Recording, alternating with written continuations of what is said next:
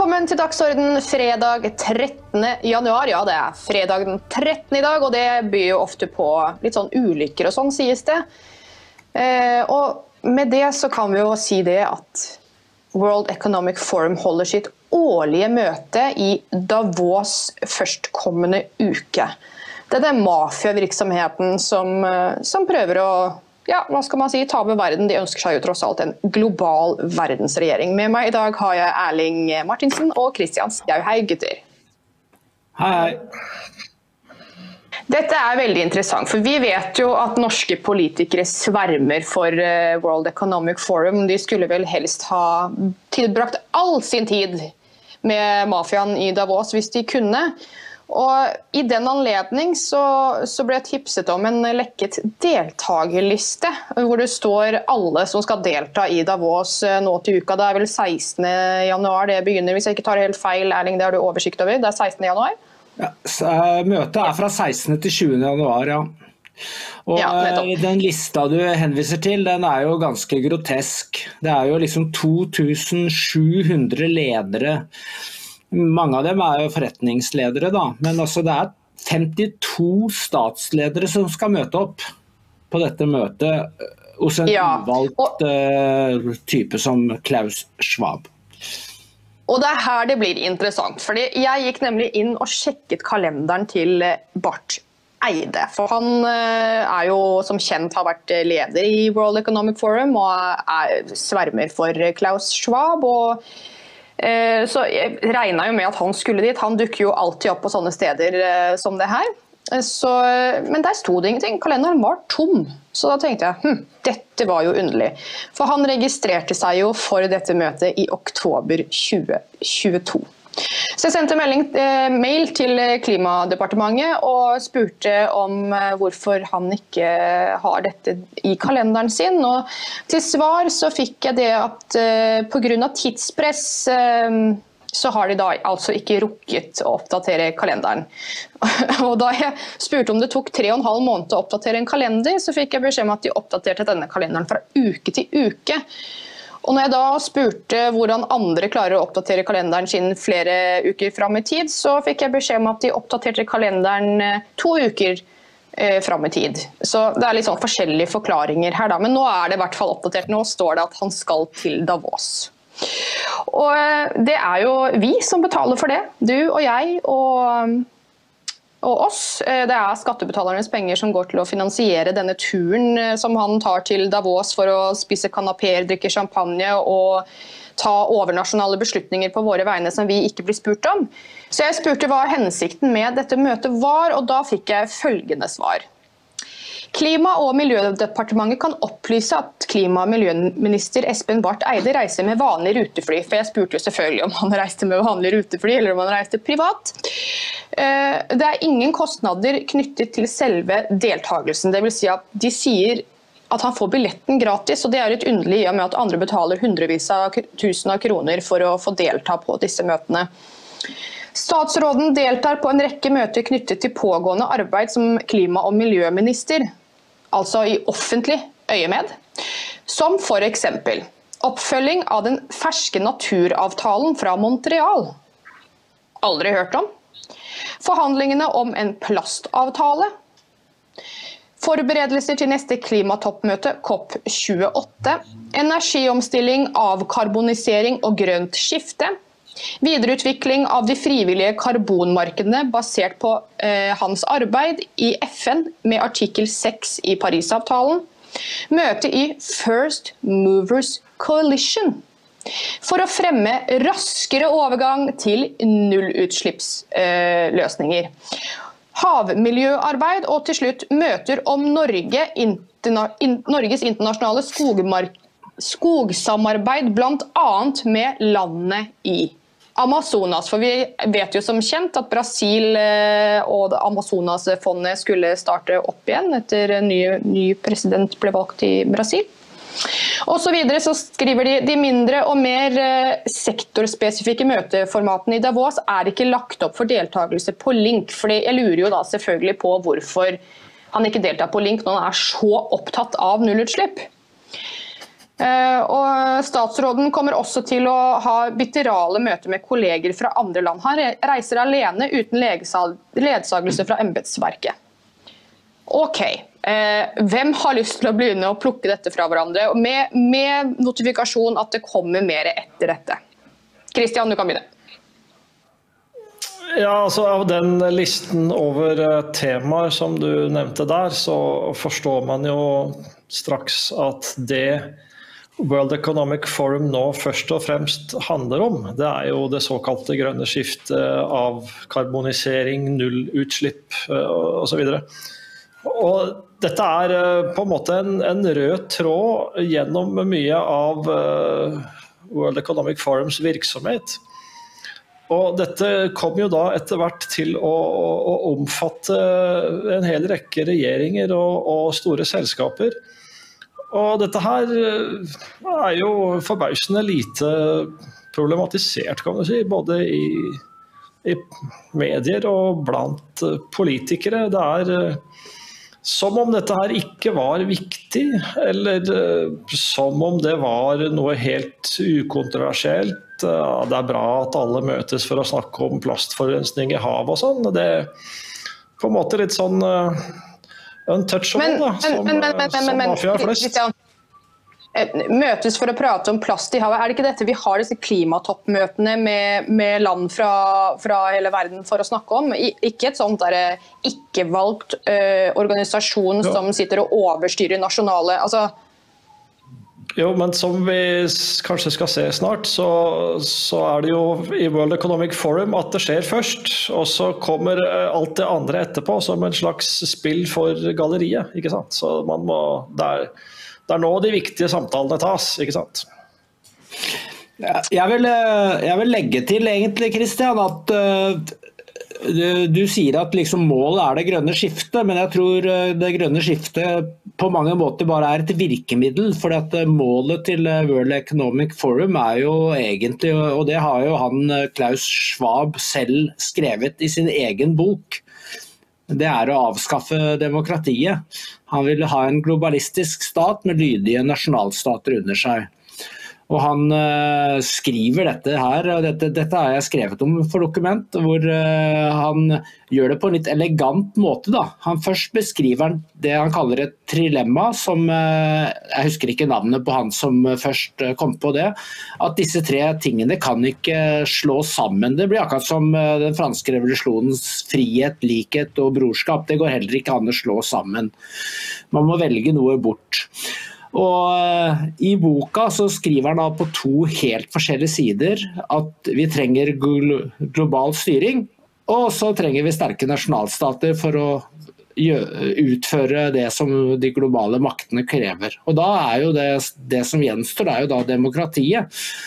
Så når du leser hva han skriver på sin side eh, om dette møtet de skal ha, så står det at han det er et ord som eh, over eh, Jeg oversetter det som motstandsdyktig. Resilient, er ikke det motstandsdyktig, Christian? Jo. Ja, altså verden, Vi må erkjenne at verden trenger en mer motstandsdyktig og bærekraftig eh, økonomi. Og ingen skal Be left behind, som eh, Schwab sier. Altså. altså ingen skal slippe unna, er egentlig det jeg, eh, slik jeg tolker det. Men altså, det, det, er, det, er interessant, for jeg fulgte selvfølgelig opp med spørsmål til Klima- og miljødepartementet. Først og fremst flyr eh, Barth Eide på økonomi eller business class. Økonomi, sier de. Jeg vet ikke om jeg tror helt på det, det tror jeg hvis jeg ser han sitter der i mange timer, men det er en annen sak. Jeg spurte om disse forhandlingsmøtene. Hvem forhandler hva, og hvorfor gjøres disse forhandlingene i regi av World Economic Forum? Og til svar fikk jeg det er ikke forhandlinger. Nei, det bare heter forhandlinger. Eh, som sådan, men samtaler og møter som bringer ulike miljøer fra bl.a. sivilsamfunn, akademia, næringsliv og internasjonale organisasjoner og stater sammen rundt spørsmål av felles interesse. Mange globale spørsmål krever både formelle mellomstatlige beslutninger, som de har blitt tatt i FN, og praktisk oppfølging i alle samfunnssektorer, herunder næringslivet. Og der tilbyr World Economic eh, Forum en nyttig arena. Og det har han jo helt rett i, for dette her handler jo rett og slett om at næringsmiljøet og nasjonalstaten og globalt styre skal sammensmeltes, som vi vet. Men eh, hva tenker dere om, eh, om disse svarene? Mellomstatlig, mellomstatlige beslutninger, formelle mellomstatlige beslutninger, det er, eh, det, det, det er dette de skal samtale om, altså før disse tas i FN, sånn jeg oppfatter det. Og dette er egentlig ikke forhandlinger. Det virker som om Nei. de prøver å fremstille det som noen slags uformelle sonderinger, og det er det kanskje. Men uh, i, i, realiteten så er det jo dette som er viktigst. Altså, hvis vi tenker tilbake på Arbeiderpartiets eh, glansdager, så var det vel eh, var det Einar Gerhardsen som sa det at noen av oss har snakket sammen. Og da skjønte man at det liksom var en, eh, en liten håndfull av de største fiskene i partiet som hadde blitt enige om hva som måtte gjøres, og da blei det sånn. Da, da var senere vedtak i partiet bare en ren formalitet. Så Sånn er det jo i dette selskapet her også, at der eh, blir de enige. Og så holdes det da formelle møter etterpå som stadfester det de allerede har blitt enige om. Ja, og Dette har jo du skrevet et eksempel om, Christian. for det, eh, det, eh, den her, Som de også nevner at de skal samtale så pent om. Samarbeidet mellom USAs utenriksdepartement og World Economic Forum. Denne hva heter den, First Nei, hva heter det for noe? First Movers Coalition. Ja. ja. First Movers Coalition. Kan du ikke eh, fortelle litt om det? Ja, dette, dette, er jo, dette, er jo, noe som egentlig er veldig viktig, og som vi aldri hører noe om. Og det, det, er veldig typisk for mye som skjer nå om dagen, at de viktigste tingene blir ikke omtalt og blir ikke problematisert. Altså i... Uh, under klimatoppmøtet i Glasgow i 2021 så ble det inngått en formell allianse mellom USA under Biden-administrasjonen og World Economic Forum. Eh, som ble kalt First Movers Coalition. Og med First Movers så uh, mener man da en, en, hel rekke store selskaper uh, som driver energikrevende produksjon. Som skal være de første til å gå over til såkalt bærekraftig teknologi. Og de gjør dette her da fordi at USA og andre stater skaper etterspørsel etter ting som de da sier at de kan levere. Uh, men uh, før klimatoppmøtet i Glasgow så hadde John Kerry, som er uh, president Bidens spesielle klimautsending, han hadde allerede snakket om dette her under et møte i noe som heter VEF Agenda i september samme år. Og Da sitter de altså i et studio og, og snakker med, med, Børge Brende og noen store toppsjefer om dette her. Og så sier Kerry at vi, vi går ikke ut med dette her enda, men det, det kommer til å bli lagt frem på, under Glasgow-møtet. Så det er, det er, ganske illustrerende for hvordan denne her hva skal man kalle det, mafiaen, frimurerklubben, det politisk-økonomiske kartellet fungerer. Vi har et klipp på det. som Erling, et øyeblikk. Vi ser klipp først. We must accelerate in order to achieve net zero by 2050. We have to reduce by about 50% between 2020 and 2030. So the race is on now to get that reduction. And to do that, I am told by the experts 50% of the reductions we need to get will come from technologies that are not yet at scale. How do we get those technologies at scale? It's exactly what we're doing here at the World Economic Forum today. We're trying to eh, you know, increase the demand for green products. And companies like Holcim and others are joining together here to talk this through. We're not announcing it to the world today, but we're trying to build this towards the launch in Glasgow. And if we can get enough companies to share the vision that if they will move as first movers, we're creating a first movers coalition. If they will come together and move to buy certain green products, whether it's cement or steel or in the trucking business or shipping. There are key, tough sectors of our economies where we can accelerate demand, and that will move the entire process. So it's a very simple concept, but it has major impact for not a lot of investment. No, thank you for uh, your leadership on this uh, First Movers uh, Coalition, bringing together the leading companies of the world and creating a demand for these technologies that uh, we have to accelerate um, introducing and making them commercial viable and um, to also meet the net zero by 2050. Jeg blir fysisk kvalm, som eh, han der godeste Sanner sier. Erling, vær så god. Ja, eh, jeg må kommentere det eh, vi så nå først. da. Altså, De sier altså at vi skal skape eller tvinge på en etterspørsel etter nye typer produkter. Så Det er jo nok en gang et eksempel på World Economics Forums manglende interesse av demokrati og frie valg og slike ting. Så dette er helt sinnssykt. og dette er liksom demokratene på speed. Jeg veit ikke hvordan jeg skal si det. Kristian kan sikkert si noe mer fornuftig. Det, altså de, de, viktigste beslutningene som gjelder eh, økonomien, eh, politikken eh, i Vesten, det blir da tatt i, slike private fora. og det, det, som da skjer i de nasjonale demokratiene etterpå, det er jo da fullstendig prisgitt det, det som er blitt beslutta der. Det, du får det ikke særlig mer antidemokratisk enn det. Altså. Det, er, er ingen som har gått til valg i, i, noen av de landene i Vesten eh, på at vi skal, eh, vi skal inngå i en eh, globalistisk organisert planøkonomi. Altså, det er Ingen ville ha stemt på noe sånt. Så det, det, bare, det bare skjer. Så uh, verden er på en måte blitt eh, et sted hvor vi ikke har noen særlig påvirkningskraft på det som skjer med våre egne, egne samfunn. Dette her får jo konsekvenser. altså Dette her drypper jo ned på, på, de resterende delene av økonomien. og til slutt så, Det er i hvert fall hensikten deres, så skal da hele, hele Vesten bli prega av dette. her.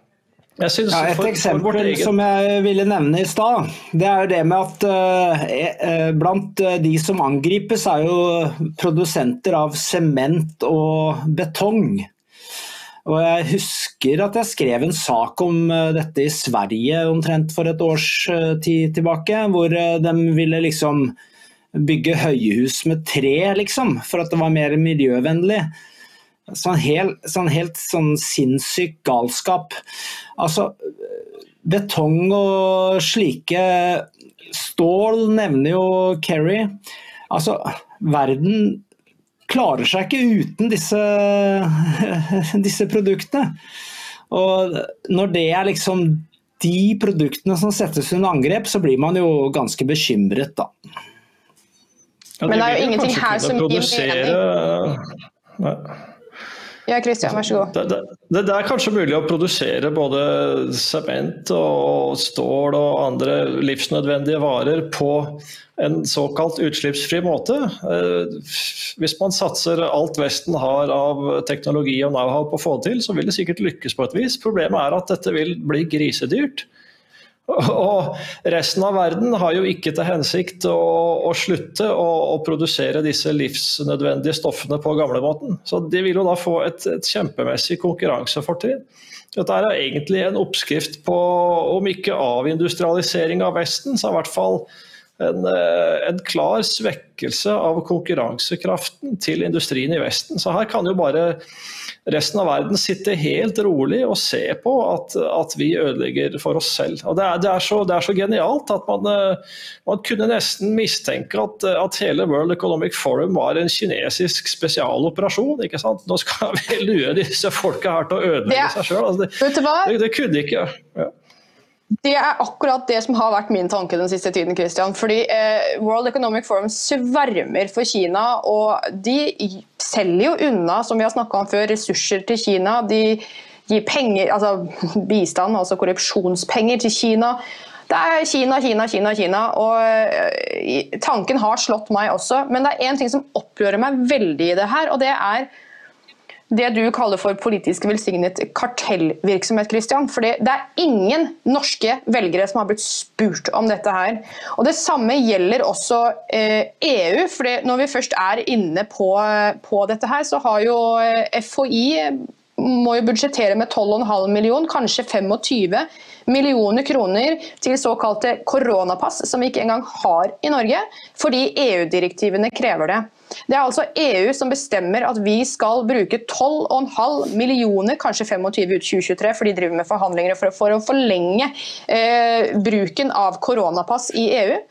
Det viser at vi er under EU-direktivene. Vi styres av EU fordi våre politikere har tillatt det. Våre politikere er administratorer av EU-direktiver. Og EU, hvem er det de styres av? Jo, det er jo FN, No World Economic Forum. Og da er det jo ekstra interessant at dette Trusted News Initiative, som har gått inn for å ødelegge for medier sånne som oss, altså uavhengig av om, om eh, de snakker sant eller ikke, og ødelegge vår drift, stemple oss og få oss ned i søla for at de ikke skal miste kontroll over narrativ og makten sin.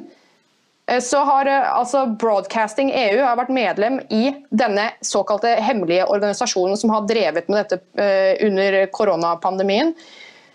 Og hvem er medlem der? Jo, NRK og TV 2. Så her stikker det jo dypt inn i Norge også. Vi, vi er ikke herre i eget hus lenger, vi har ikke vært det på lenge. Vi styres av EU. Og så reiser våre politikere til World Economic Forum for å, for å forhandle, men vi vet at det er for å forhandle. Eh, avtaler som går over hodene på oss, som vi aldri blir spurt om, som vi aldri får høre noen ting om, fordi vi har medier som ikke gjør jobben sin, som sitter og kjører ut propaganda dag inn og dag ut, opp og ned. Og så får vi høre at nei, World Economic Forum det er en konspirasjonsteori. Kjære seer. Hvis alle 5000 seerne som ser på, vippser 10 kroner, sikrer dere Dokk-TV-budsjettet i en halv måned. Om alle 5000 seerne vippser 20 kroner, sikrer dere Dokk-TV i én måned. Så lenge vi jobber sammen og alle bidrar, om så bare litt, så kommer vi en lang vei. Det hviler på oss, altså på deg og meg, å sørge for at sannheten kommer fram. Og at Document bevarer sin rolle som det medier egentlig skal være, en vaktbikkje. Uten dere så klarer ikke vi det. Og uten oss så sitter dere igjen med medier som løper myndighetenes ærend. Vips til 638941. 638941. Fordi ditt bidrag gjør en enorm forskjell. Altså, hvor Jeg vet det. Jeg blir provosert. Jeg blir så provosert. Christian? Ja, altså det, det, det, dette illustrerer, er at utenrikspolitikk er egentlig den eneste viktige politikken i Norge i dag. Eh, fordi, som, sier, som du sier, vi blir styrt av, av EU, og, og sannsynligvis også World Economic Forum.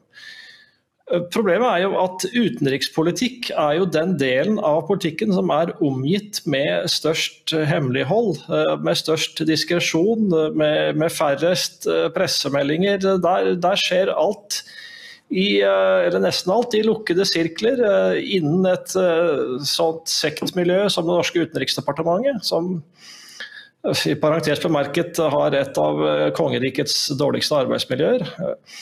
Så her burde det være mye mer kritisk søkelys, ikke minst i lys av at uh, altså Når det gjelder EU, så er det jo kjent at vi er underkasta EU. Fordi alle kjenner til EØS-avtalen og implementering av direktiver og, og alt det ruklet der. Men det som ikke er kjent, eh, f.eks. er at Norge er tilslutta First Movers Coalition. Det ble kunngjort eh, på regjeringens hjemmeside den 6. mai 2022 at Norge er første partnerland som da slutter seg til eh, denne ideen til Biden-administrasjonen om å være med på First Movers Coalition. Eh, det har ikke vært noe stort tema i norske medier, så vidt jeg kan se. Altså, jeg tror det bare var E24 som meldte om det samme dag. Dette er jo en, en, beslutning av kolossal viktighet for Norge, og så går det helt upåaktet hen. Det, det, er jo Så, så, Avstanden mellom styrene og styrte er nå så stor altså at de styrene vet ikke engang hvilke beslutninger som ligger til grunn for konsekvenser som de da føler på kroppen når det har gått en stund. Nei, det, det, er jo en god grunn til å ha litt antistatlige holdninger, som vi har diskutert tidligere, når man opplever dette her. Fordi at det som, er, det som, skremmer meg, det er at de skammer seg liksom ikke lenger.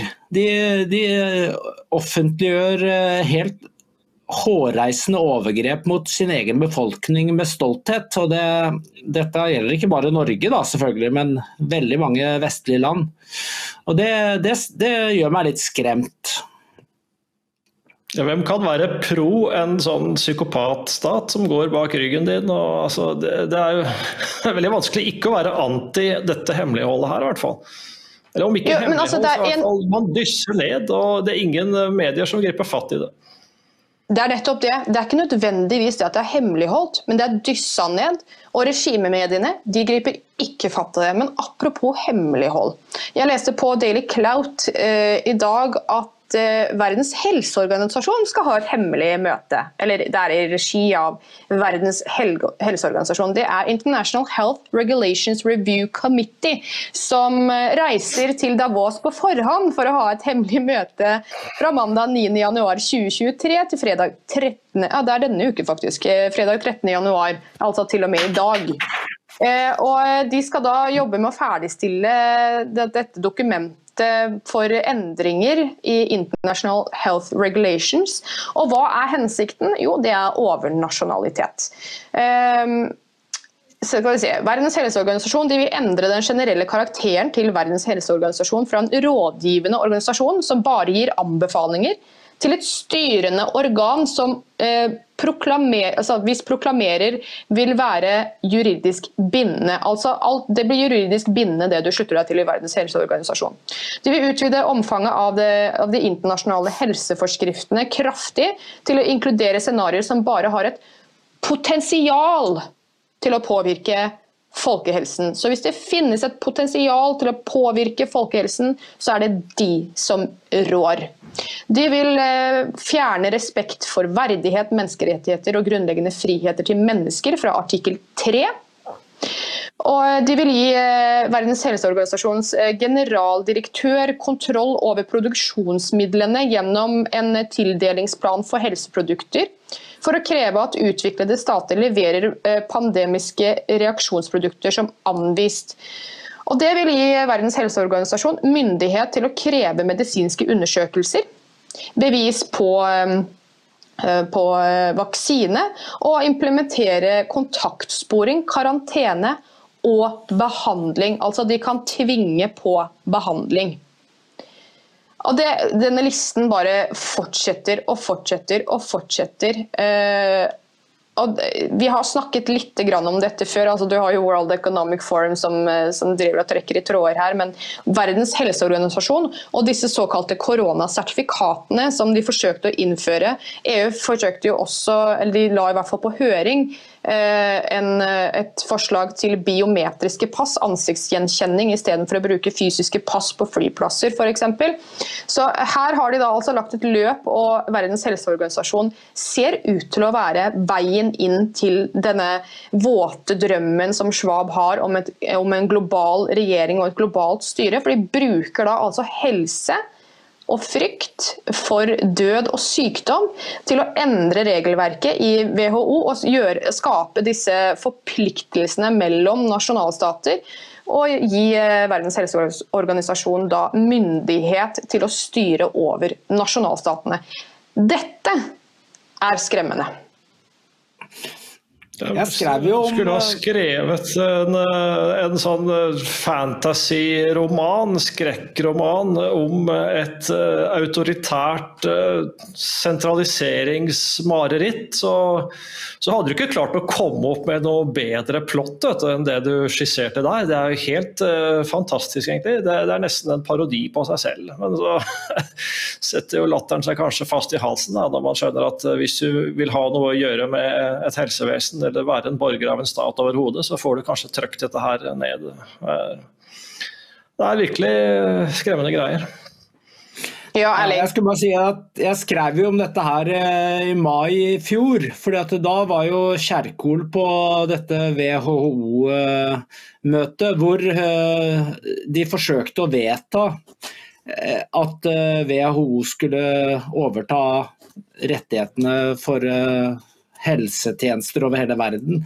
Det forfalt vel etter hvert, for det var ganske mange land som stemte nei. Men Kjerkol var jo kjempeentusiastisk og syntes jo dette var, var bare gull og gode ideer. Og de har ikke gitt opp, så det kommer tilbake. Nei, De har ikke gitt opp, og det virker som om norske politikere syns det er helt greit å ikke jobbe. De har bare lyst til å reise rundt og spise kanapeer og, og få prestisjen uten å gjøre jobben, så de overlater da altså jobben til EU, World Economic Forum, eh, det amerikanske utenriksdepartementet og, eh, og Verdens helseorganisasjon. Det er det de gjør. Dette er politikerne våre. Det er jo veldig greit da, at du slipper å ta vanskelige beslutninger selv og kan fraskrive deg ethvert ansvar og likevel ha alle fordeler da, som tradisjonelt følger med det å tilhøre en maktelite. Så det, ja, ja.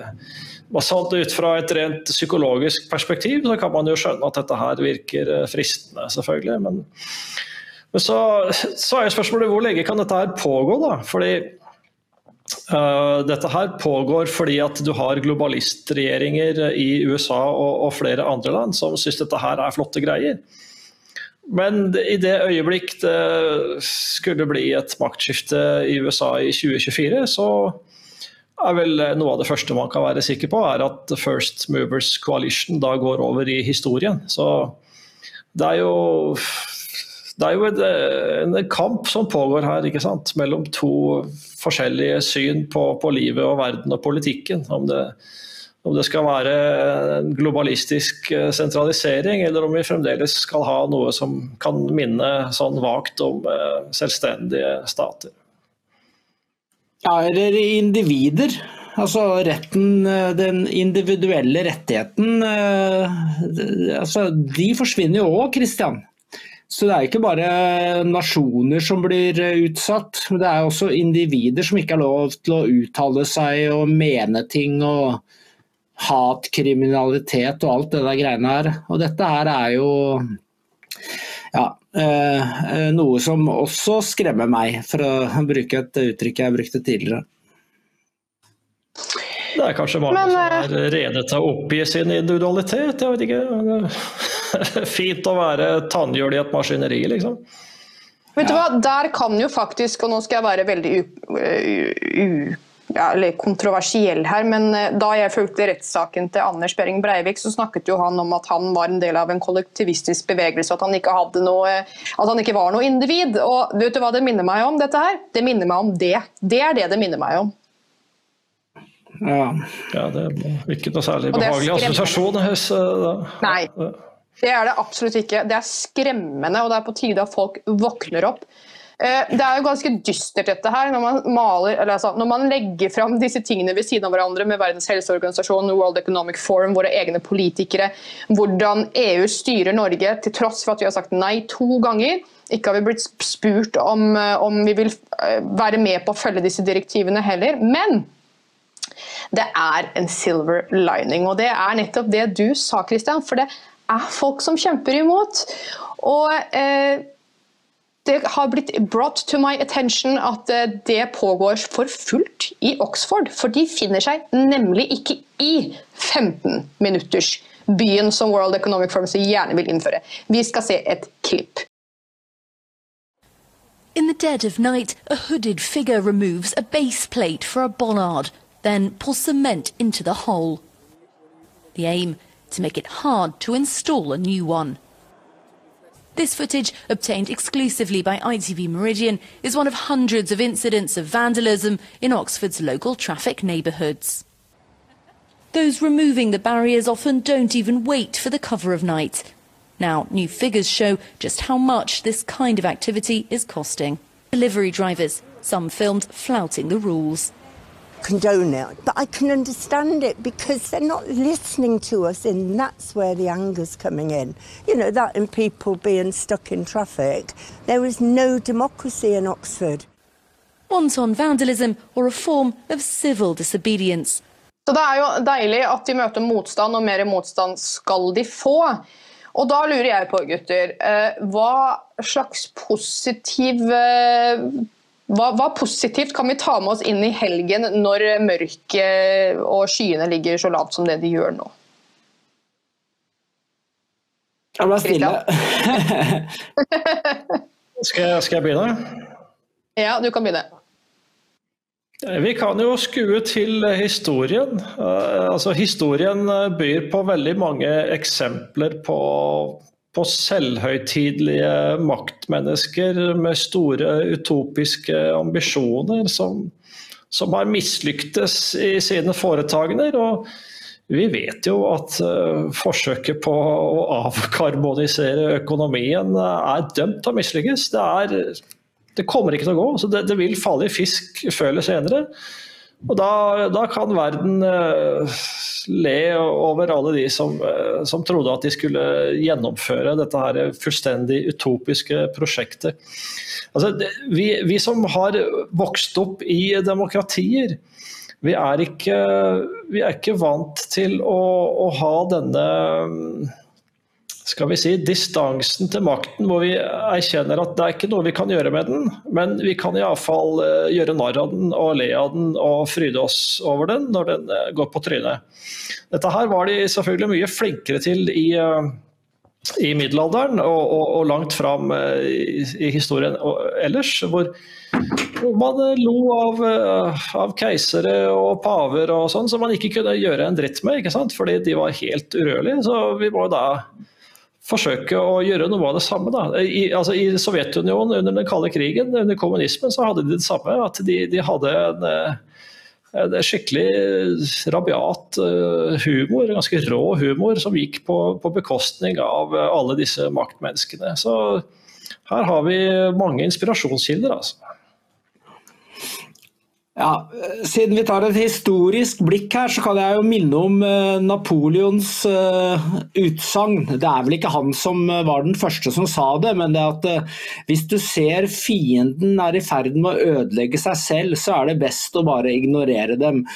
Det blir litt sånn noen ganger om man føler det, men altså, vi er jo journalister, så vi kan jo ikke ignorere det. Men jeg skjønner at folk bare dropper nyhetene. og vi opplever jo det uh, på en del saker uh, hvor vi gjør tabber i dokument, hvor vi skriver den samme saken uh, på et par dagers mellomrom. Så er begge to veldig godt lest. Fordi at alle folk er ikke som oss journalister som følger med på alle nyheter hele tiden. Og ja, men jeg, jeg er optimist jeg, er, eh, jeg, jeg, har trua på at eh, ting er i ferd med å rakne for denne makteliten som eh, har fucka opp så mye. Så det gir meg håp, da. Det er morsomt at du nevner Napoleon, da, Erling. fordi det, det, En gang i tiden så var jo det et liksom, kjennetegn på at en person var klin hakke sprø. Det var jo at han trodde han var Napoleon. Det var det ja. Men i dag, i dag så, så, tror jo en hel masse sånne smånapoleoner at de kan styre klimaet på jorden. Det er, jo, det er jo kanskje noe de også burde tatt opp med fastlegen, syns jeg. da. Ja, de De glemmer at uh, Napoleon var et geni, og de er ikke et genier. Vet du hva? Jeg tenker at vi avslutter med litt humor. Jeg skal la meg inspirere av eh, dr. Robert Malone, og i det øyemed så tenker jeg at vi kjører eh, musikkvideo. Så takk for i dag, gutter.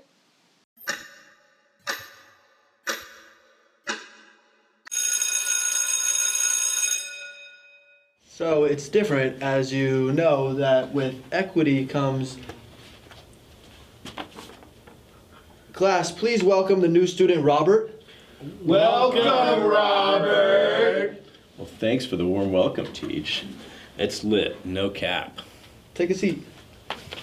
White privilege is something welcome. that each and every one Thank of you bigots and colonists Wow.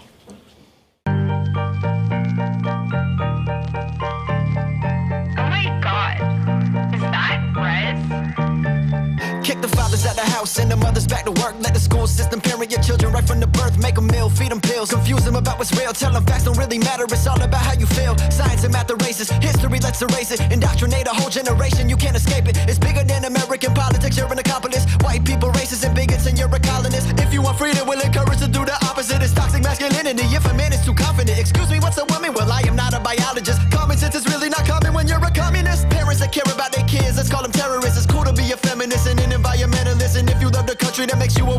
a white supremacist. Don't even try defending it, cause what you say's irrelevant. Put your hands up, everybody stand up.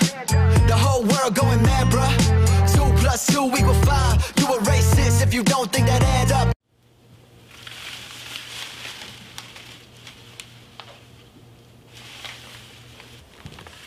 Better not be in here telling these children that men can't get pregnant. Of course not, Mr. Smith. And did you tell all the white children that they are racist? And colonizers and bigots, yes. Very good. Hands up, everybody stand up. The whole world going mad, bruh. Two plus two equal five. You a homophobe if you don't think that adds up. Don't have children. If you do, then abort them. If your neighbors don't comply with the government, then report them. If you have independent thoughts, then just ignore them. Communism's the way democracy is too boring. Bring your kids to a drag show. Give them a couple dollars to put right up in their asshole. Don't worry about the Epstein flight logs. The case is closed, so don't even go and ask, bro. Trust the WHO and CDC. None of our politicians work for the CCP. Are born racist. If you disagree, that makes you a damn racist. Study CRT. In today's lesson, men can get pregnant. Put your hands down, no more questions. Don't say pedophile, just say ALA. Adults that like adolescents. Go and put your hands up, everybody stand up. The whole world going mad, bruh. Two plus two equal five. You a racist if you don't think that